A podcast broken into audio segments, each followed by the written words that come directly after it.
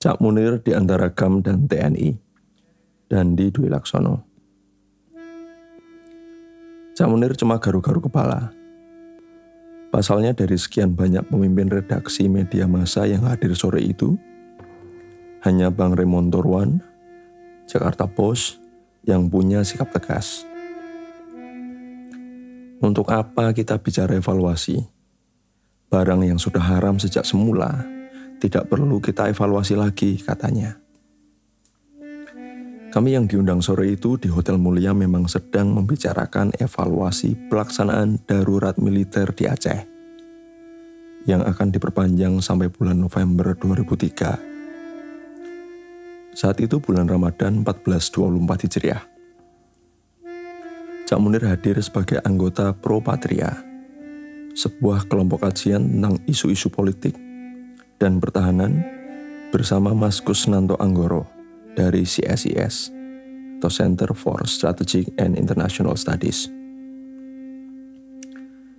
Mas Bambang Harimurti dari Tempo malah mengungkapkan sebenarnya Panglima TNI Jenderal Hartono Sutarto tidak terlalu seret dengan perpanjangan darurat militer. Tetapi kelompok garis keras dalam tubuh TNI menghendaki perpanjangan. Entah mengutip dari mana, Mas Bambang Harimurti malah memaparkan data jumlah korban sipil yang tewas selama proses perjanjian damai di bawah COHA atau Cessation of Hostilities Agreement itu lebih besar daripada korban pada masa darurat militer. Barisan Propatria sore itu dalam beberapa isu memang berhadapan-hadapan dengan barisan para pemimpin redaksi. Para pos media tak sedikit yang terlihat konservatif. Sebagian dari mereka pengetahuannya tak lebih banyak daripada wartawan biasa, terutama yang memakai dasi. Seperti biasa, Cak Munir dengan telaten dan gaya bicara yang runut menyadarkan para wartawan senior itu. Apa implikasinya kalau darurat militer diperpanjang? Singkat cerita, tibalah saatnya berbuka puasa. Kami duduk semeja. Cak Munir memberikan apresiasi kepada situs acehkita.com dan kepada para wartawan kami yang bekerja di lapangan. Saya lupa apa konteksnya. Tiba-tiba Cak Munir bercerita tentang pertemuannya dengan Panglima Gerakan Aceh Merdeka atau KAM, Tengku Abdullah Syafi'i pada 2000 lalu. Jika direkonstruksi, kira-kira seperti ini obrolan kami. Aku ini pernah diusir sama Abdullah Syafi'i, kata Cak Munir. Yang bener, Cak. Walah, sudah di musik tentara, masih juga nggak terima sama GAM. Kapan, Cak? Tanya saya. Ya waktu itu, sebelum Bondan masuk. Kan aku masuk duluan, jawabnya.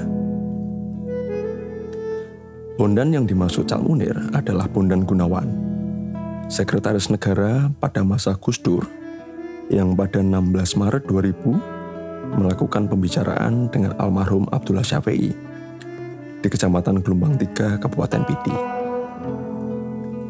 Sehari setelah pertemuan itu, aparat pemerintah mengobrak-abrik tiga desa dan melakukan tindakan kekerasan terhadap warga sipil.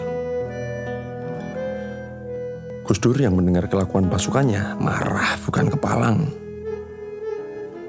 Masa ada brimob rambut gondrong pakai anting-anting? Kalau ada yang begitu, tarik saja dari Aceh kata Gus Dur kala itu mengomentari tindakan aparat yang menggergaji strategi diplomasinya untuk menyelesaikan Aceh. Kok bisa diusir? Tanya saya ke Cak Munir. Gara-garanya begini. Begitu ketemu, orang-orang mengenalkan. Tengku ini Munir dari kontras itu Terus ya aku langsung ngomong pakai bahasa Indonesia setelah Assalamualaikum. Terus aku ditanya sama Abdullah Syafi'i, Munir, kamu orang apa? Saya ini orang Jawa Tengku. Jawab Cak Munir merekonstruksi dialognya. Kamu bukannya orang Arab? Cecar Abdullah Syafi'i. Wah, saya ini sudah jadi orang Jawa. Jawab Cak Munir. Dijawab seperti itu, kata Cak Munir, Abdullah Syafi'i malah mengajaknya berbicara dengan bahasa Arab. Cak Munir mengaku gelagapan dan celingak-celinguk ke kanan dan ke kiri. Mencari-cari kalau-kalau ada sukarelawan yang mau menjadi penerjemah. Aku sudah panas dingin. Apalagi Abdullah Syafi'i bilang gini, kamu ini sama saja dengan Jawa-Jawa itu. Sudah sana, pergi saja. Aku pikir tadinya bercanda. Eh, beneran ternyata. Kata Cak Munir sambil memperagakan gerakan tangan Abdullah Syafi'i yang menyuruhnya pergi. Cak Munir terpinggal. Saya dan Mas Reza Primadi dari Trans TV yang duduk semeja tak kuasa diam. Belum habis tertawa, Cak Munir sudah menyambung lagi. Loh, ini jangankan diusir. Wong ditodong saja aku pernah kok sama gam-gam itu. Sambungnya dengan logat Jawa Timuran yang kental.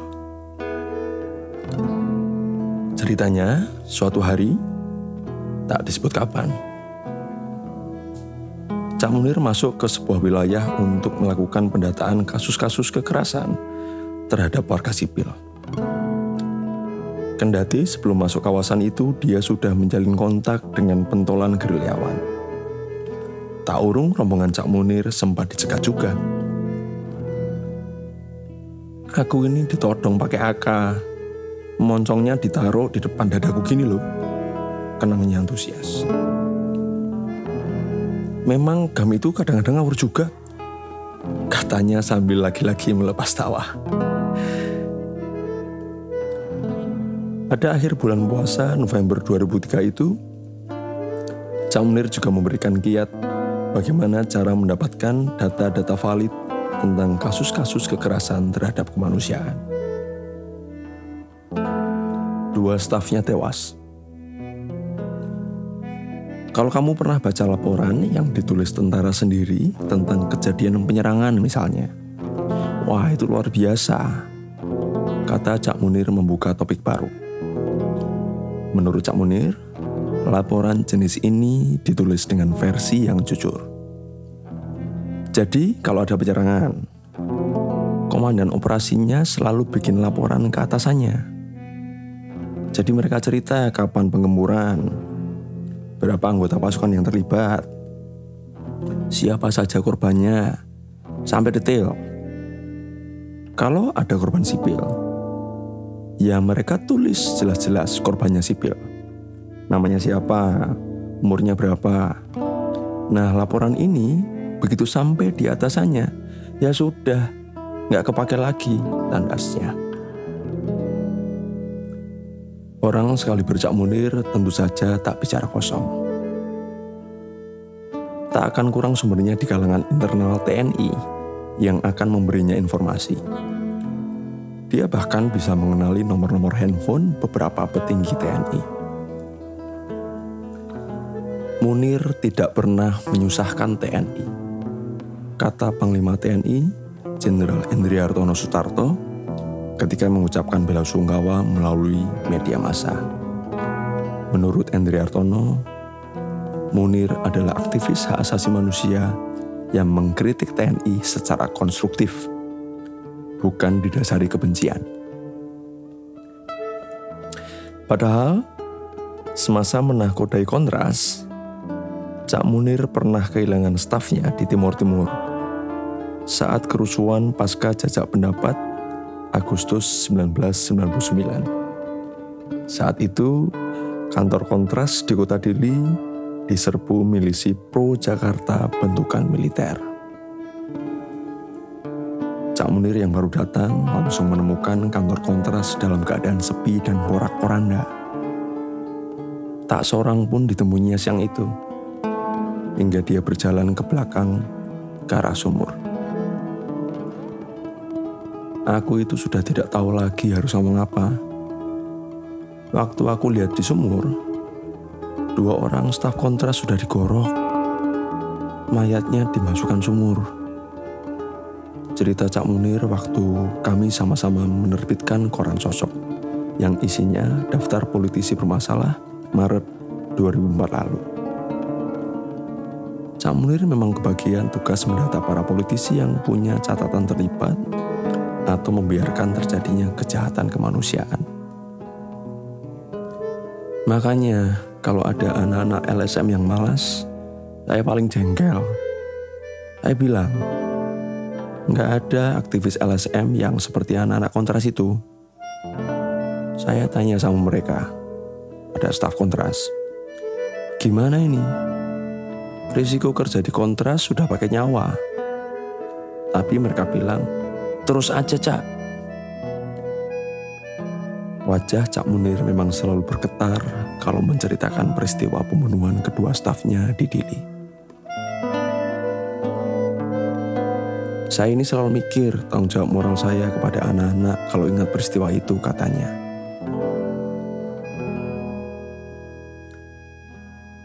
Bela sungkawa dari Panglima TNA Tak hanya Panglima TNI yang berbela sungkawa, Panglima TNA pun mengirim duka dalam tiga paragraf. Pemerintah Negara Aceh atau PNA, Tentara Negara Aceh, Komando Pusat Militer. Seluruh bangsa Aceh turut berbela sungkawa atas meninggalnya saudara Munir tokoh penegak hak asasi manusia Nusantara. Innalillahi wa inna rojiun. Dengan penuh kesedihan, kami turut berduka cita. Keberanian almarhum, ketabahan dan kegigihannya mesti dijadikan teladan oleh bangsa-bangsa di Nusantara dalam melawan kesaliman. Semoga segala amal baik almarhum diterima di sisi Allah. Kepada istri, anak-anak, dan keluarga yang ditinggal, semoga diberikan kesabaran yang luas. Wilayah Medelat, 8 September 2004. Panglima Tentara Negara Aceh atau TNA, Musakir Manaf.